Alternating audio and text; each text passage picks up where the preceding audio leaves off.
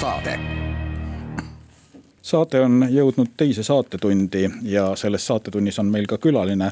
mul on hea meel tervitada siin Kuku raadio stuudios kultuuriminister Tõnis Lukast, tere. tere päevast eilne Postimees on mul siin näpus ja siin kirjutatakse, et teatristatistikas tehti taas rekordeid. aga see Postimehe artikkel keskendub möödunud aastale. tänavune aasta on natukene teistsugune, ehk siis koroonakriis on paljugi mõjutanud ja mitte ainult teatrit, vaid kogu kultuurivaldkonda, kogu majandusvaldkonda eriolukorra ajal olid kultuuriasutused, teatrid, kontserdisaalid, muuseumid ja muud suletud, kel võimalik, töötasid kodukontorites. paljud inimesed olid aga lihtsalt kodus ja said töötasu hüvitist. turismist sõltuvad ettevõtted ei ole aga mitte ainult turismifirmad, vaid ka paljud kultuurivaldkonna asutused, mis ka riigieelarvest toetust saamad, saavad. samas peavad nad ka piletituluga arvestama, aga teatud perioodil oli see olematu. praegu annab turistide puudus taas tunda, piletitulud on isegi juba kärbitud eelarvetega võrreldes oluliselt väiksemad. teatrites võib-olla vähem, sellepärast et seal on orienteeritud peamiselt kohalikule publikule, kuid turistidest sõltuvates muuseumides näiteks palju rohkem. kuidas on koroona olukord mõjutanud riiklikult rahastatavate kultuuriasutuste toimetulekut? aitäh, te alustasite mm, teemaarendust väga õigest otsast. kultuurisündmused on küllalt suur osa turismimajandusest, nagu kultuuri ja loomemajandus on väga suur osa üldse majandusest ja riigi hakkamasaamisest. ja neid ei saagi väga lahus vaadata, sellepärast et ega turistid ei välis- ega siseturistid ei käi raha eest ainult äh, päikeseloojakut vaatamas. Nad tulevad ikkagi mingitele sündmustele või vaatama mingeid objekte, muinsuskaitseobjekte näiteks. ja äh, kui kultuurielu on elav, siis äh, on ka turismimajandusel lootust. kui kultuurielu mingil tingimusel on suletud, siis ka kidub turismimajandus ja kui turiste ei tule, samamoodi on vähem publikut kontserdidel ja, ja mingis osas ka teatritel. see võrdlus kahe tuhande üheksateistkümnenda aastaga eh, tuleb ilmselt eh, erinevalt kultuurisektoritest, aga, aga nii, et sellel aastal on külastajaid nelikümmend kuni kuuskümmend protsenti eelmise aasta tulemustest. mis on isegi hea, kui mõelda, et kuuskümmend protsenti näiteks eh, Äh, teatrikülastajatest on säilinud, kui arvestada, et vahepeal kolm kuud oli täiesti kinni, siis oli suvi. Äh, praegu võib öelda, et, et teatrietendustel ja kontserdidel, äh, statsionaarsetes kontserdimajades käiakse päris hästi. nii et ma arvan tõesti, et, et meil ei ole sellist võrdlust, et ainult kümme-viisteist protsenti tuleb täis üle poole planeeritust ja ülejäänud siis juba kriisipaketiga osaliselt me kultuuriasutustele kompenseerisime saamata jäänud tulu. ja katsume toetada ka, ka edaspidi sektorit, aga kõige suurem toetus on see, kui elu käib. kui sektor on lahti, kui etendusi võib anda, kontserte võib anda ja praegu võib öelda, et me oleme Äh, siin saavutanud optimaalse lahenduse praeguse pealetungiva koroonakriisi ja kultuurielu vajaduste vahel ja, ja statsionaarsed teatrid, kontserdimajad võivad tegutseda kelle king kõige rohkem pigistab, on need mingid teatud valdkonna asutused, ettevõtted kultuurivaldkonnast või siis pigem teatud regiooni? ma tooksin siin äh, võrdluse äh, loometoetuste taotlemisest selle kriisi alguseni oli loometoetusi, mis on sisuliselt niisugune kiire abi loomingulistele inimestele, mida võivad taotleda nii loominguliste liitude liikmed kui ka vabakutselised. oli taotlenud seda kaunis vähe inimesi. aastas oli seal paarsada taotlejat kõigi sektorite peale kokku. me eeldasime, et nüüd tuleb taotlejaid rohkem. Ja praegu võib öelda, et et, et kriisipaketist täiendavalt pandud neli koma kaks miljonit on äh, tõesti juba ka ära taotletud ja, ja nii-öelda välja jagatud. Äh, ligi tuhat inimest äh, saab seda toetust ja valdkonniti on kõige rohkem toetuse taotlusi kunstivaldkonnas, nende erinevate kujutavate kunstide valdkonnas, siis muusikas ja etendusasutuste valdkonnas või etenduskunstide valdkonnas, nii et need on valdkonnad, mis on kõige rohkem pihta saanud Need on nüüd äh, nii need, kes tegutsevad siis äh, kutselistena kui ka vabakutselistena, nagu te mainisite. jah, just. kultuuriministeerium teatas eelmisel nädalal, et tasub uurima vaba, vabakutseliste loovisikute olukorda. ja selles teates oli ka märgitud, et toetuse jaotamises, see, millest just äsja räägiti, rääkisite, saadud kogemus on uuringule väärtuslik sisend. millist uut teavet või, või kogemust ministeerium sellest toetuste jagamisest sai? me saime äh selles mõttes uut teavet, et kuna nii massiliselt äh, ei olnud taotlusi eelnevalt, siis, siis sellist paikapidavat statistikat ei suutnud ju eeldada ka. Nüüd, kui taotlemine on tõesti olnud massiline, nüüd võib öelda, et on avanenud pilt, kus pooled või isegi üle poole taotlejatest on vabakutselised meil on vabakutselisi erinevates kunsti ja kultuuri valdkondades äh, väga palju. Äh, ja mm, vabakutselise leib ilmselt Eestis on siis võimalik, elu käib, on palju väikseid projekte, on selliseid projekte, kus, kuhu kaasatakse inimesi, kes siis nii-öelda on otsivama vaimuga, kes ei taha olla hommikust õhtuni ühes konkreetses statsionaarses kohas tööl aga muidugi, kui äh, asi äh, läheb, äh, läheb raskemaks ja, ja projekte nii palju enam ei ole, siis on nemad kõige suuremas hädas. võib-olla just see vabakutseliste osakaal kultuuriväljas, väljal oli üks uudis, mis sai nüüd kinnitust nagu ma ütlesin, valdkonniti suured erinevused hakkama saamises, on ka selliseid valdkondi, kus nii palju ei taotletud, noh arhitektid said oma tegevust jätkata. näiteks eh, nende puhul sellist hädasolijaid on, on märksa vähem. ja võib-olla see, eh, see, et kas need inimesed nüüd pärast seda kuuekuist toetuse saamist peavad hakkama jälle varsti taotlema, see on ka statistiliselt oluline äh, kogemus, sellepärast et sellest me saame, äh, sellest lähtudes me saame siis äh, näha, kas nad vajavad mingit pidevat pidevat tuge ka riigi poolt. Ja selle pideva toe süsteemi töötame välja vastavalt sellele informatsioonile, uuringule, mis oli muide varem juba plaanis koos Sotsiaalministeeriumiga järgmise aasta jooksul, nii on praegu plaanid tehtud. Te kuulate saadet. jätkame saadet, stuudios on külas kultuuriminister Tõnis Lukas ja mina olen saatejuht Vallo Kelmsaar. rääkisime vabakutselistest loomeinimestest ja jutt oli ka sellest, et neile mõeldud pidev toetusskeem või tugiskeem otsustatakse siis, kui nüüd uuringu tulemused on selgunud. aga selleks on vaja eraldisi ka riigieelarvest, kas järgmisse aastasse on mingeid täiendavaid eraldusi juba selle aastaga võrreldes planeeritud? ei ole, järgmisse aastasse kanduvad üle need vahendid, mis, mille ulatuses on sellel aastal juba lepingud tehtud, sest toetuse maksmine kestab kuus kuud, kui on leping nüüd tehtud näiteks oktoobris või tehakse novembris, siis see raha mis on vaja järgmise aasta esimestel kuudel selle toetuse väljamaksmiseks kandub järgmisesse aastasse ja see on, see on siis juba ette olemas. aga järgmise aasta plaanid ei ole tehtud niisugused kriisikesksed ja me ei tea täpselt ju, kuidas jätkub see koroona surutis, kas see jätkub ja, ja kui palju taotluse soove on otse nüüd uue süsteemi käivitamiseks järgmise aasta eelarves vahendeid ei ole, selle, seda peab siis jooksvalt vaatama.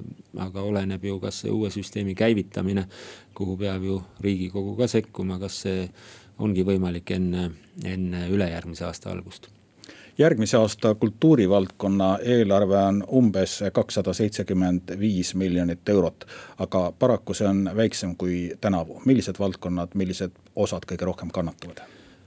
Ta on väiksem kui tänavu ainult selle võrra, et eh, kevadel me tegime lisaeelarve, kus me panime nii-öelda täiendava kriisipaketi eh, toetuseks.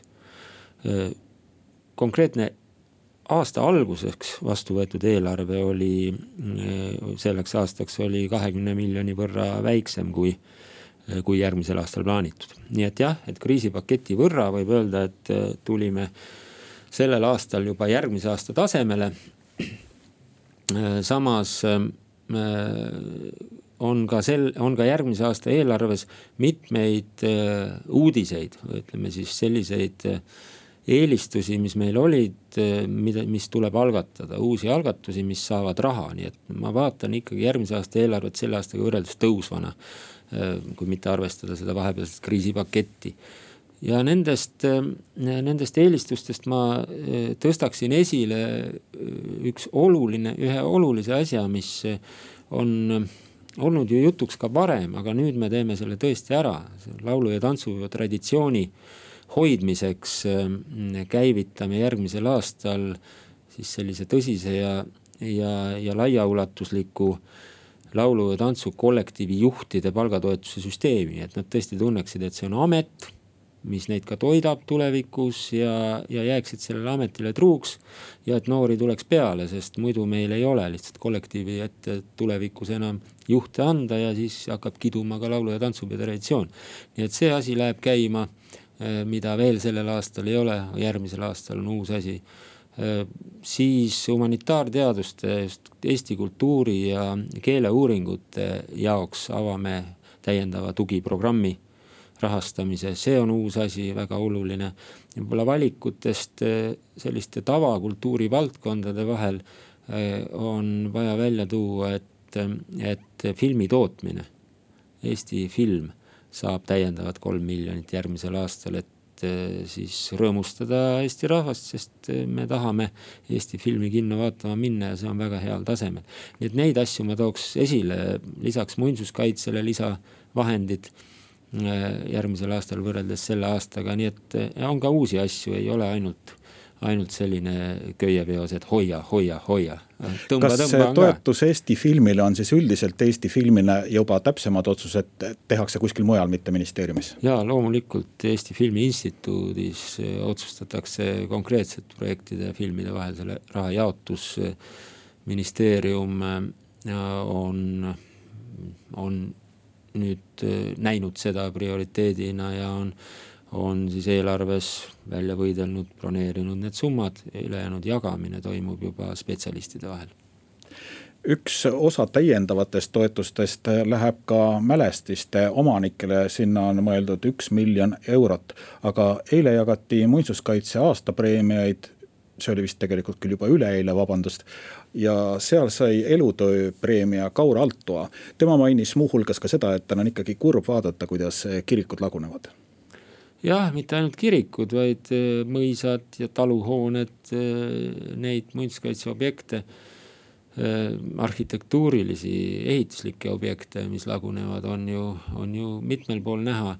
aga lisaks on muinsuskaitseobjektid ka kääpad, vanad kalmistud, Eh, külakohad, mm, mida ka tuleb hoida ja säilitada. Eh, et nad oleks nähtavad, neid tähistada. nii et muinsuskaitse on väga laiahaardeline ja sinna tuleb lisaraha panna ja me, me paneme seda võimalusel. tegelikult on nüüd eh, selle valitsuse ajal kahel aastal juba tulnud miljon lisaks ka omandireformi reservfondist täiendavalt nüüd sinna veel juures miljon, nii et me oleme tegelikult eh, tõstnud eh, kordades muinsuskaitse toetusi viimase kahe aasta jooksul. aga loomulikult vaja oleks ju veel rohkem. Luteruse kirik ja, ja õigeusu kirik on head taotlejad ja kirikuhooned on muinsuskaitserahasid päris palju saanud, aga ma tooksin esile just ka teisi ehitisvaldkondi, mida on vaja toetada. saade jätkame saadet, meil on stuudios külaliseks kultuuriminister Tõnis Lukas ja selles saate pooltunnis, mis nüüd on alanud, on meie kuulajatel võimalik ka saatekülalisele küsimusi esitada. kordan meie telefoninumbri, see on kuus, kakskümmend üks, nelikümmend kuus, nelikümmend kuus. aga seni, kui kuulajad saavad küsimusi mõelda ja meile helistama hakata, jätkan ise meie tänase külalisega juttu. õpetajad pole rahul, et nende palgad on praeguste plaanide kohaselt neljaks aastaks külmutatud. õpetajad on ähvardanud ka streigiga. kultuurivaldkonnas pole valjuhäälset nurinat kuulda olnud. mida riigi eelarvestrateegia kultuurivaldkonna tegevuskulude osas neljaks tulevaseks aastaks ette näeb? riigieelarve strateegia on tehtud tõesti nelja-aastase dokumendina, aga aga ta keskendub praegu ikkagi ainult järgmisele aastale, sest ega pikki prognoose ette on raske teha. jah, tõesti, seal, seal ei ole ju nelja aasta peale tõusu ette nähtud, aga ma olen kaunis kindel, et me tuleme eh, kultuuritöötajate palgatõusu teema juurde järgmisel aastal tagasi ja püüame ikkagi, ikkagi neid tõsta järgnevatel aastatel. järgmisel aastal, kahe tuhande kahekümne esimesel aastal palgafondi tõusu ette näha ei ole, sest lihtsalt maksulaekumised on nii palju vähenenud Ehm, pean TALO-ga, kultuuritöötajate ametiühinguga eh, läbirääkimisi ja, ja nendega on praegu kokku lepitud, et, et eh, nii nagu ma ütlesin, kollektiivi juhtide, rahvakultuuri kollektiivi juhtide palgatoetussüsteem tuleb ja katsume ka järgmistel aastatel palgatõusu nimel töötada ja praegu on kokku lepitud, et, et nad kirjutavad kokkuleppele siis, kui riigieelarve vastu võetakse ka alla, nii et, et praegu ei ole eh, niisugusi noh, ütleme konfliktikohti kultuurivaldkonnas küll näha ette. Nüüd on meil telefonil ka kuulaja, kes tahab külalisele küsimust esitada, tere, teil on sõna. tere päevast, härra minister Teiega on selles mõttes mõttekas rääkida, et teie teate meie Eesti ajalugu ka ennem seda, kui siin äh, kommunistid arvavad, et elu hakkas neljakümnenda ja neljakümne üheksandast aastast, kus kõik äh, noh, ühistati ja tehti kõik. mäletan nagu,, mäletan ja, ja, ja nüüd on niisugune asi, et mina olen see eh, põlistalu omanik, veel üks järel seal, ma ei tea, ümbruskonnas ei teagi kedagi enam. ja see on tohutu terror, kuidas see käib, üks minu hävitamine. Eh, külas on teised talud hävitatud, aga ma pole järgi antud, andnud kõik on ju ära võetud ja hooned on ära lammutatud, noh jah, hävitatud samamoodi kolhooside ajal. mitte keegi ei taha kuulda, et oleks olemas ka talu, Pätsi, Pätsi-aegne talu. Ja keegi on veel selle omanik et noh, mitte kuskilt, täna oli jälle, olge hea, esitage ka küsimus. ma tahan küsimuse, et kus mina ka, millal ükskord riik ikkagi võtab, võtab selle teadmiseks, oli niisugune asi ja ka talumeestele tehti tohutult, tohutult äh, külma mm, mul on üsna raske äh, kogu selle äh, süsteemiga siin kuidagi elus olla. varastatakse, lõhutakse, nii tohutu vaen on nende talude vastu, maad on tarvis ära võtta aitäh Ait,, saime küsimuse. aitäh, jah. ka minu isal oli, oli talu, mille Nõukogude võim ära võttis ja, ja tean nende maade ja hoonete tagasi taotlemise lugu päris hästi.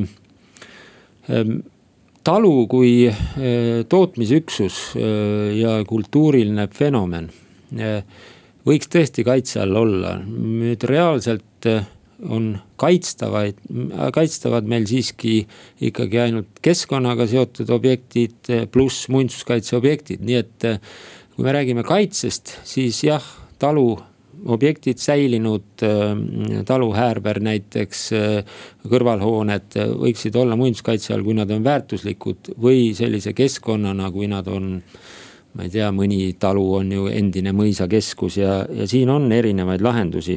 konkreetselt teie juhtumit ma ei tea, ise arvan, et selline põlistalu on väärtus äh, ja on ka muinsusväärtus ja sellesse tuleks suhtuda lugupidamisega. ja meil on ka järgmine helistaja, kes tahab küsida, tere. tere päevast äh, mul on selline küsimus, et ööklubid, et need on juba olnud juba, juba mitmendat kuud kinni aga seal toimub ka ju kultuuriüristusi ja, ja piletitulu on käibemaksuga, mis riik võtab endale, et kas ööklubidel on ka mingi kompensatsioon äh, äh, nagu teoksil või et äh, seal on ikka artistid ja need on ju kõik kultuuri alla kuuluvad, et see ei ole ainult äh, joomaurgas, nagu siin mõni, mõni minister te, te, äh, siin äh, valitsuse liikmetest ütleb, et äh, et kas ööklubid ka saavad mingit toetust või? aitäh, et otseselt kultuuri valdkonda me ööklubisid ei liigita, see on ikkagi ettevõtlus. ja, ja majandusvaldkonna toetused laienevad ka sinna. praegu teadaolevalt uut paketti mm, meil plaanis ei ole. peame vaatama, kuidas see kriis areneb, ei ole välistatud, et kunagi see tuleb.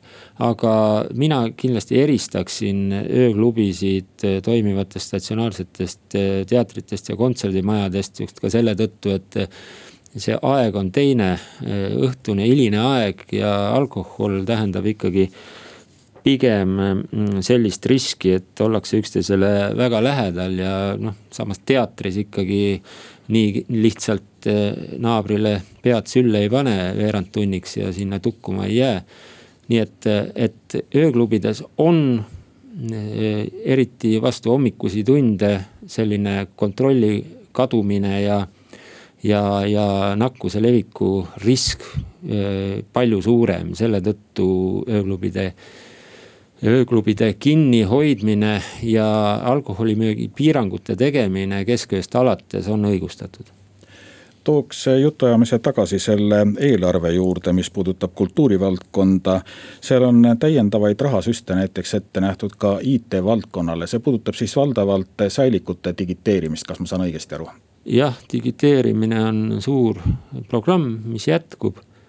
Eesmärk on anda, anda informatsioon nii arhiivist, muuseumide kogudest rahvale kasutusse, ilma et peaks siis ise seal hoidlates käima. see töö jätkub, aga jätkuvad ka muud arendused, võib öelda, et näiteks praegu on meil digiaasta kultuuriministeeriumi poolt välja kuulutatud ja mitmed huvitavad projektid on toonud huvitavaid keskkondi ja lahendusi. Nii et selline IT-arendus on natukene laiem eh, kui ainult kogude digimine, aga jah, eelarveliselt mõttes on kogude digiteerimine eh, seal tähelepanuväärne töötatakse välja vist ka uut süsteemi MuIS kaks ehk siis muuseumide infosüsteemi, mis on seal võrreldes praeguse süsteemiga erinevad plaanis?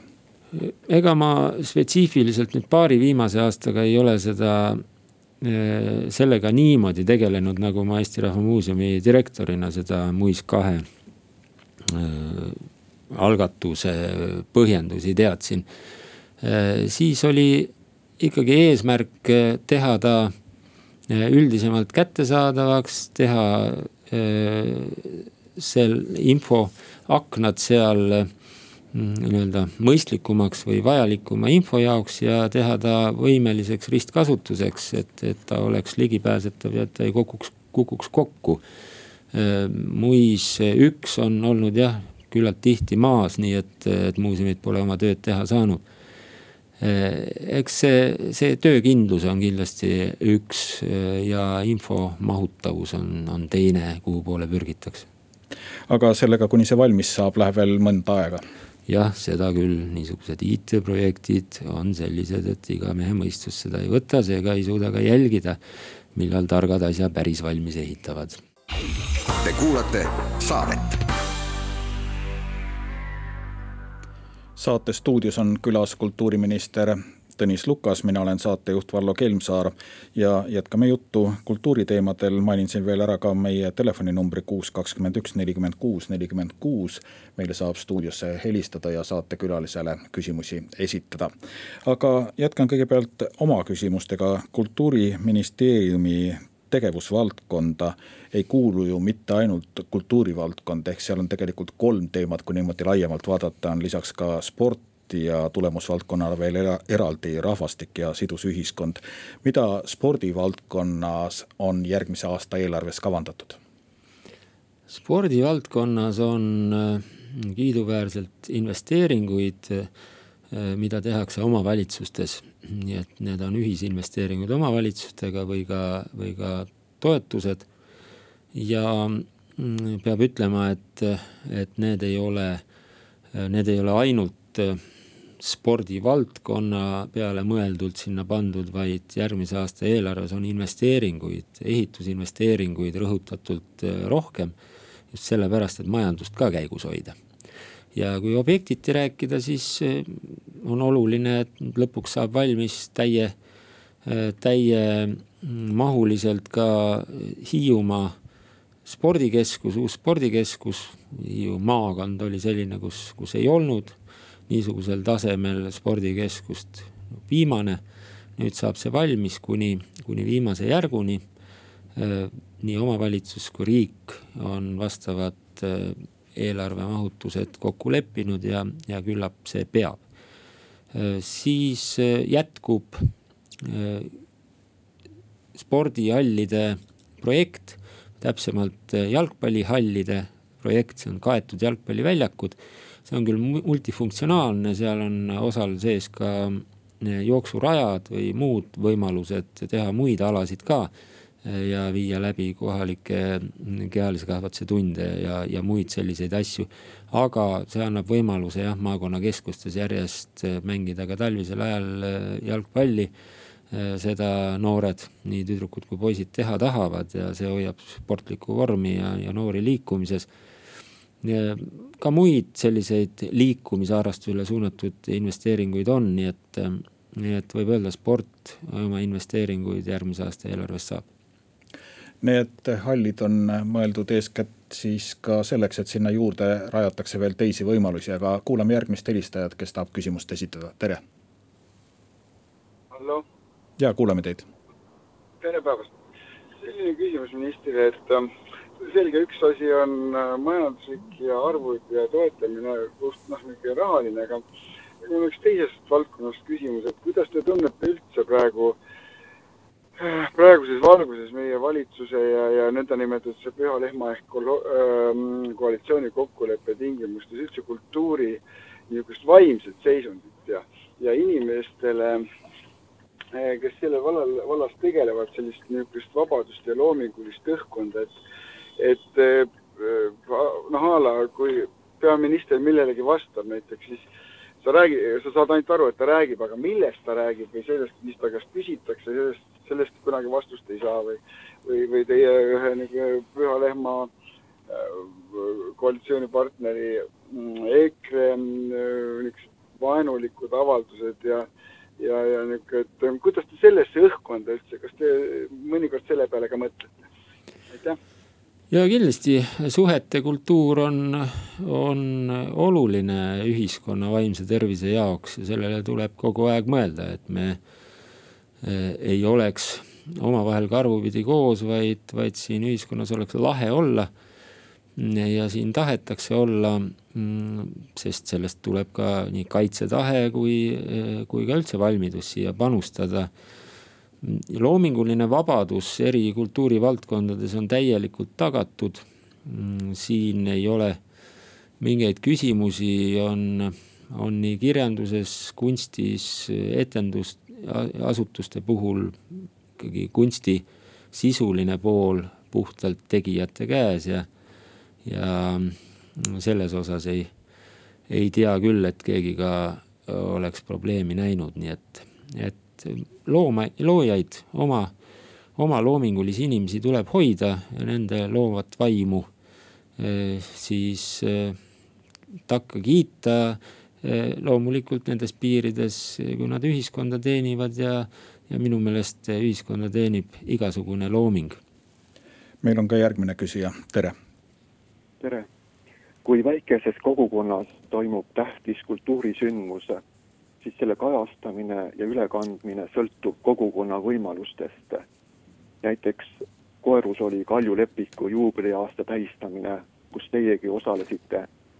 Koeru kogukonnal oli Järva maakonna abil võimalus in-, internetiühenduse tegemiseks, et see jõuaks kõikidele huvilisteni, aga paljudel juhtudel selline võimalus puudub. avalik-õiguslikule ERR-ile kohustust peale panna ka ei saa ega vist praeguste võimaluste juures midagi kindlamat koordinatsiooni ja lahendust nendes probleemides polegi, aitäh.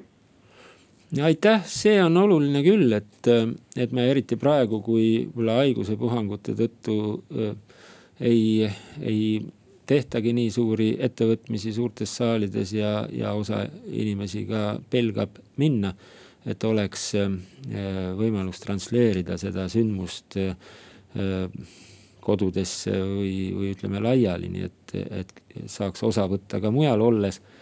ja ma arvan, et sama väärtuslikud on külakogukonna ja, ja muud kohaliku kultuurielu sündmused, loodan, et kas kohaliku lehe kaudu, mõne, mõne tele, telekanali kaudu või, või lihtsalt mõne toetava MTÜ kaudu selliseid ülekandeid tehakse, see on nagu tehniliselt siiski küllaltki lihtne ja, ja kui seda rõhutada, et, et sellega harjutaks, siis võib-olla tuleb neid ka rohkem, ainult tehnilise ja rahalise asja taha ei peaks see jääma. me peaksime harjuma selliste ülekannetega tulevikus.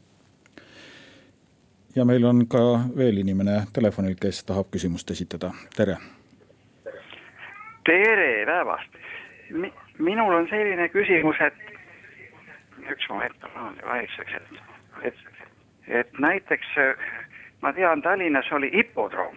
Ja, ja ma nüüd olen kuulnud siin alles värskelt, et see tahetakse üldse kinni panna, siin hakkavad minu arust arenduse plaanid ja kõik hakkavad peale tulema, nii et niisugune kultuuri või, või, või sümboolne, äh, mis ta oli vanasti, et äh, ka praegusel ajal oleks ju see väga tervitav oleks seal noortel või lastelgi näha hobuseid ja kaarikuid ja kõike niisugust tehnikat ka veeremas ikka sellest saab ja kuhu see viiakse?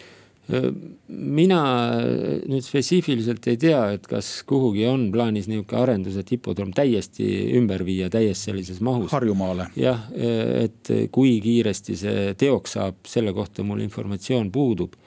aga õige ta on, et, et hobuste hobustega seotud erinevad võistlused, kas nüüd just võidu kihutamine, aga, aga ratsavõistlused maneežides ja nendele peaks ligipääs olema ja, ja ma tean, et avalik võim nii Tartus, Tallinnas kui nüüd plaanime ka mm, riigi ja, ja linna koostöös selliste ratsabaaside toetamist, niisuguseid asju on ette tulnud. nii et, et hobustega seotud äh, tegevused on nii teraapilised kui lastele huvitav jälgida, kui ka sportlikku indu andvad ja, ja ma arvan, et see sport kuhugi ei kao. Ja me olemegi jõudnud saate lõpule lähedale, viimase küsimuse esitaksin ma ise laulupidu on kahe aasta pärast plaanis, seekord koolinoorte laulu- ja tantsupidu. tänavune suvi on paljuski mõtlemist ja lähenemist asjadele muutnud. kas laulupidu võiks ka kõne alla tulla kuidagi virtuaalsena või mingitel muudel meetoditel, viisidel, kui ta seni on olnud? laulupidu mm, kantakse ju üle ja selles mõttes jõuab ta niikuinii igasse kodusse ja see kindlasti jätkub ka tulevikus minu hinnangul laulu- ja tantsupidu ainult virtuaalsena teha ei saa, sest siis ei ole need lihtsalt need peod. ei ole sellised äh, naelad äh, Eesti, Eesti kultuurirüül, nagu, nagu nad praegu on, väga olulised, nad paistavad kaugele ja nad hoiavad Eesti kultuuri koos. Me äh, hakkame arutama lähiajal, täna ma saadangi tegelikult kutse välja. Väiksemale ringile, arut-, arutame laulu- ja tantsupeo seaduse äh, tegemist, millega siis kindlustada äh, need võimalikud riigipoolsed ja omavalitsuste poolsed sammud, et see traditsioon tulevikus kindlasti säiliks ligilähedaselt sellisel kujul, traditsioonilisel kujul, nagu ta praegu on. muidugi ta muutub aga seadusega anname me sellele põhiolemusele kindluse, et ta jääb veel aastakümneteks, aastasadadeks meie kultuuri koos hoidma. nii et, et jah, muutub, aga samas ei muutu põhiolemuselt ja sellega tänase Vox Populi erisaate lõpetame. aitäh külalisele, kultuuriminister Tõnis Lukasele. aitäh kõigile, kes meile helistasid ja küsimusi esitasid. kõike head.